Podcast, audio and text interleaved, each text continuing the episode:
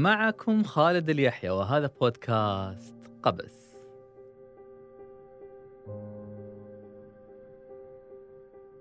حيث نروي القصص.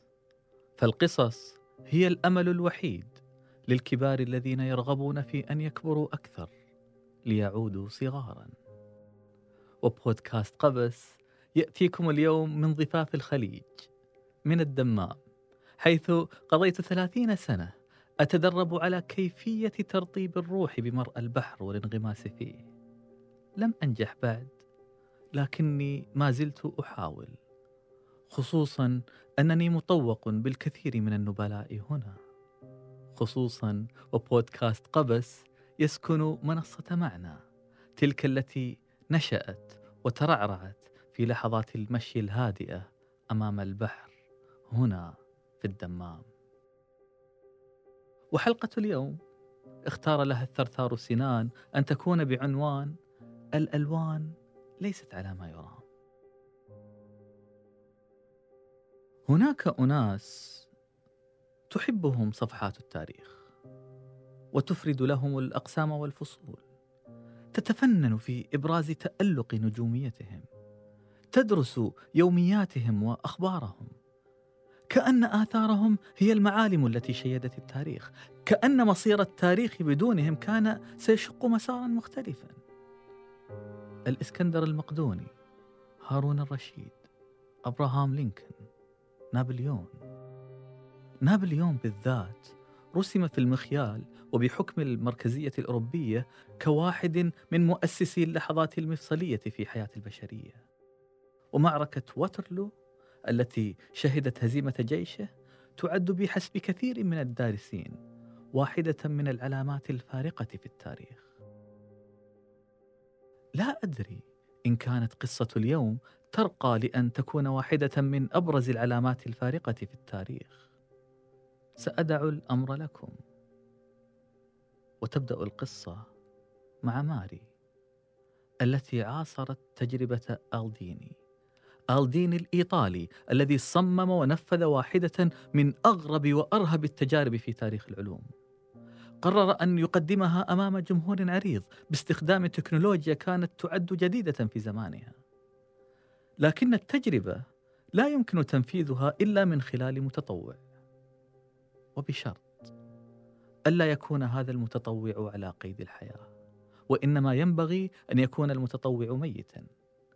هو لم يهتم لأمر المتطوع بتاتا بقدر ما يريد جسده الساكن. حاول أن يحصل على متطوع على وجه الموت في إيطاليا لكنه لم يستطع. لم يتقبل أحد فكرة أن يتخلى عن قدسية جسده بعد الموت لأجل تجربة ألديني. فاضطر أن يبحث عن مجرم على وشك الإعدام. ولم تسعف القوانين. فالإعدام في إيطاليا كان يتم عبر المقصلة وتجربته الغريبة تحتم عليه شخصا قد احتفظ برأسه. لكي تنجح تجربته كان ينبغي ألا ينفصل الرأس عن الجسد. فقيل له لما لا تذهب لبريطانيا؟ فعقوبة الإعدام هناك تجري عبر المشنقة مما يتلائم مع احتياجات تجربته تماما. وفعلا رحل إلى لندن. وبحث عن المجرم المناسب ووجده جورج جورج فوستر.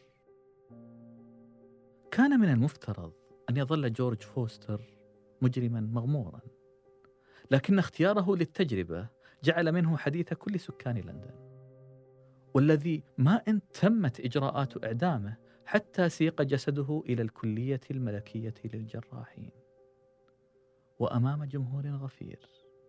وقف آلديني أمام جسد جورج وأزاح الستار عن التكنولوجيا الجديدة التي جاء بها من إيطاليا. عمود ينتج الكهرباء. وأعلن ألديني أنه باستخدام الكهرباء سيجعل جسد الميت جسد جورج فوستر يتحرك. وتوجه بأسلاكه التي ربطها في أذني الجسد الخامد ليطلق تياره الكهربائي مخترقا رأس جورج. ففوجئ الجميع أن عينا جورج اتسعتا. جحظت أحداقه وتشنج وجهه ثم كانت المفاجأة ارتفعت يده الميتة. ساد الرعب في القاعة. من هول الصدمة وفرط الرعب سقط شخص ميت في نفس اللحظة. جورج فوستر لم تدب فيه الحياة. لكنه اكتسب صفة من صفات الأحياء. الحركة. وراجت القصة المرعبة في كل أنحاء لندن وتخللتها الكثير من الإضافات حتى وصلت لأذن فتاة صغيرة اسمها ماري. كان والدها ممن حضروا تجربة آلديني. بعد هذه الحادثة بثلاث عشرة سنة توجهت ماري لتنعم بصيف دافئ في بقعة على هذا الكوكب على ضفاف بحيرة في سويسرا. في تلك السنة الألوان لم تكن على ما يرام. الأشجار لم تكن خضراء كما يجب. الصباح كان رماديا. والأحمر الأحمر صبغ السماء الشفق لم يكن ذلك الذي يأتي للحظات قبيل الغروب بل كان يمتد لساعات طويلة طيلة فترة الأصيل. كان جميلا وفاتنا حقا لكن الألوان لم تكن على ما يرام. ثم كان هناك اللون الأبيض. لا يجب أن يكون هناك ثلج أبيض في منتصف الصيف. كان المفترض في مثل هذا الوقت أن يتم جني المحاصيل لكن سقوط الثلج كان مفاجئا صبغ الأرض بالبياض. الألوان كلها ليست على ما يرام. فهطول الثلج في وقت الحصاد أباد كل الغلة الزراعية في كل مكان على وجه هذه الأرض. كان ذلك عام 1816 لم يكن هناك تلغراف. ولا تليفون لا نقاش علمي ولا بيانات إحصائية ولا تنبؤات مناخية. فزع الرهبان للصلاة خصوصا وأن الشمس قد فقدت شعاعها وبدت ككرة من العاج. حين يستطيع المرء أن يرى الشمس في وضح النهار تدرك أن الشمس أيضا لم تكن على ما يرام. اليوم نعلم ما الذي جرى.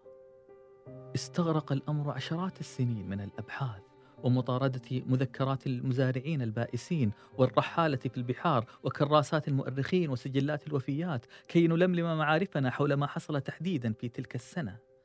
1816 السنة التي مرت بلا صيف. السبب وراء ذلك اللغز.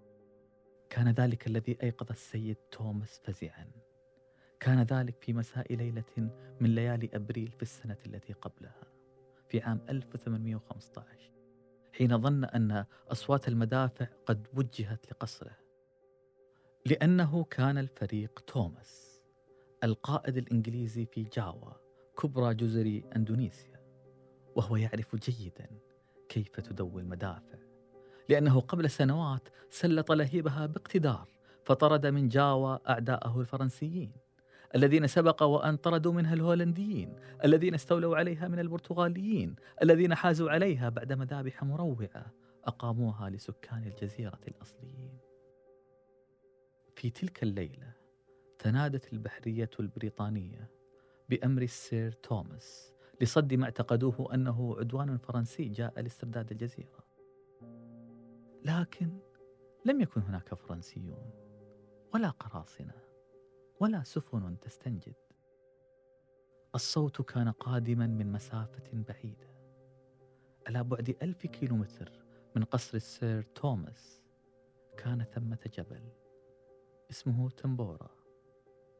انفجر وأباد كل من كان بالجوار.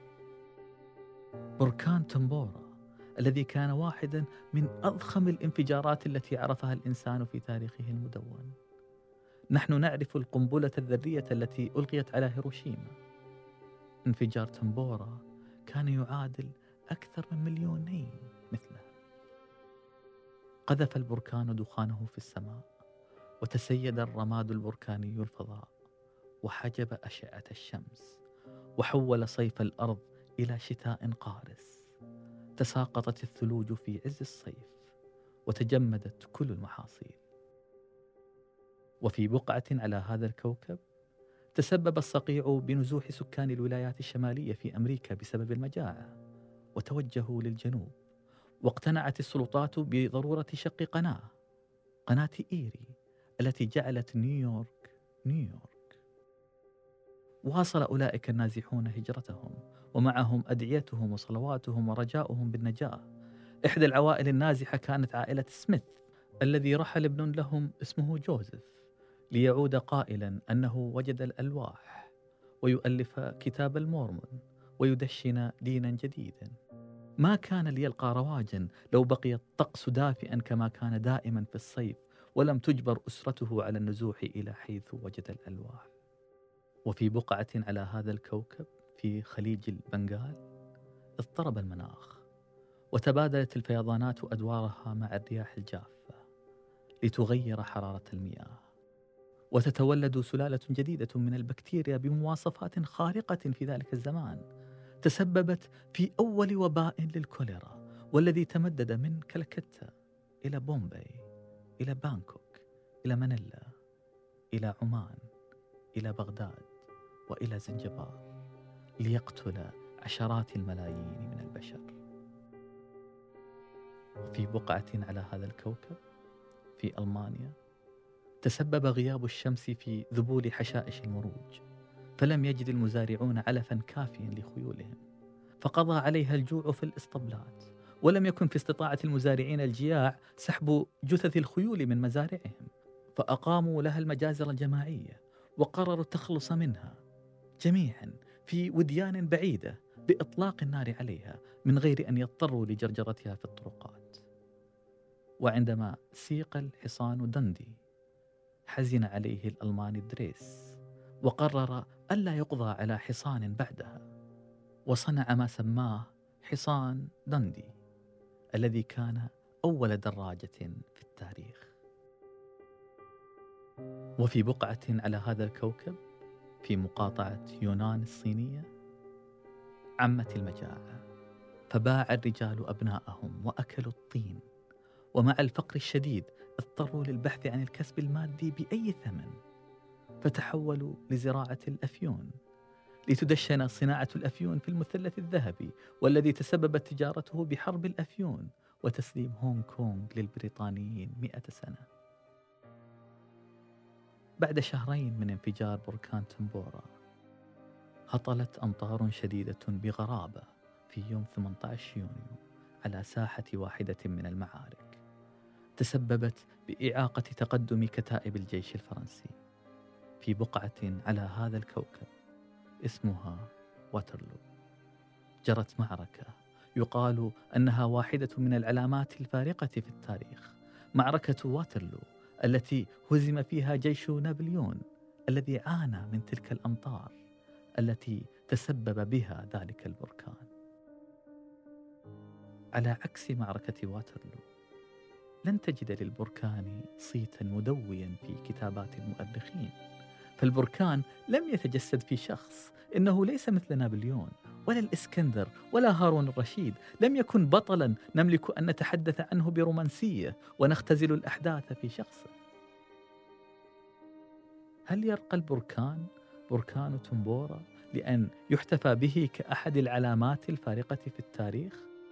البركان الذي يمكن أن ينسب له انتشار وباء الكوليرا وزراعة الأفيون وازدهار نيويورك واختراع الدراجة ونشأة ديانة المورمون والأمطار التي تسببت في هزيمة جيش نابليون. لم يكن ذلك كل شيء. في بقعة على هذا الكوكب على ضفاف بحيرة في سويسرا فوجئت فتاة اسمها ماري بالثلج يهطل بغزارة ويحول صيف تلك السنة لشتاء قارس. وهناك حبست في كوخها مع صديقها بوليدوري تحت الثلج. وهناك في صقيع بحيرة جنيف في عام 1816 ولد نوع جديد من الأدب لا يليق به أن يولد إلا في مثل تلك السنة. كتب بوليدوري رواية مصاص الدماء. أما ماري الفتاة التي عايشت تجربة ألديري فكتبت قصة الدكتور فيكتور العالم الشاب الذي يقوم بتجربة يجمع فيها أعضاء إنسان ميت وتماما كما جرى في تجربة ألديني يتعرض للبرق أقوى تيار كهربائي يعرفه البشر. ليولد لدينا الوحش فرانكشتاين. ويؤسس لفن رواية الرعب على يد فتاة اسمها ماري ماري شيلي في سنة الرعب السنة التي مرت بلا صيف السنة التي لم تكن فيها الألوان على ما يرام هل يرقى البركان؟ هذا البركان لأن يكون من العلامات الفارقة في التاريخ؟ كما قلت في البداية سأدع الأمر لكم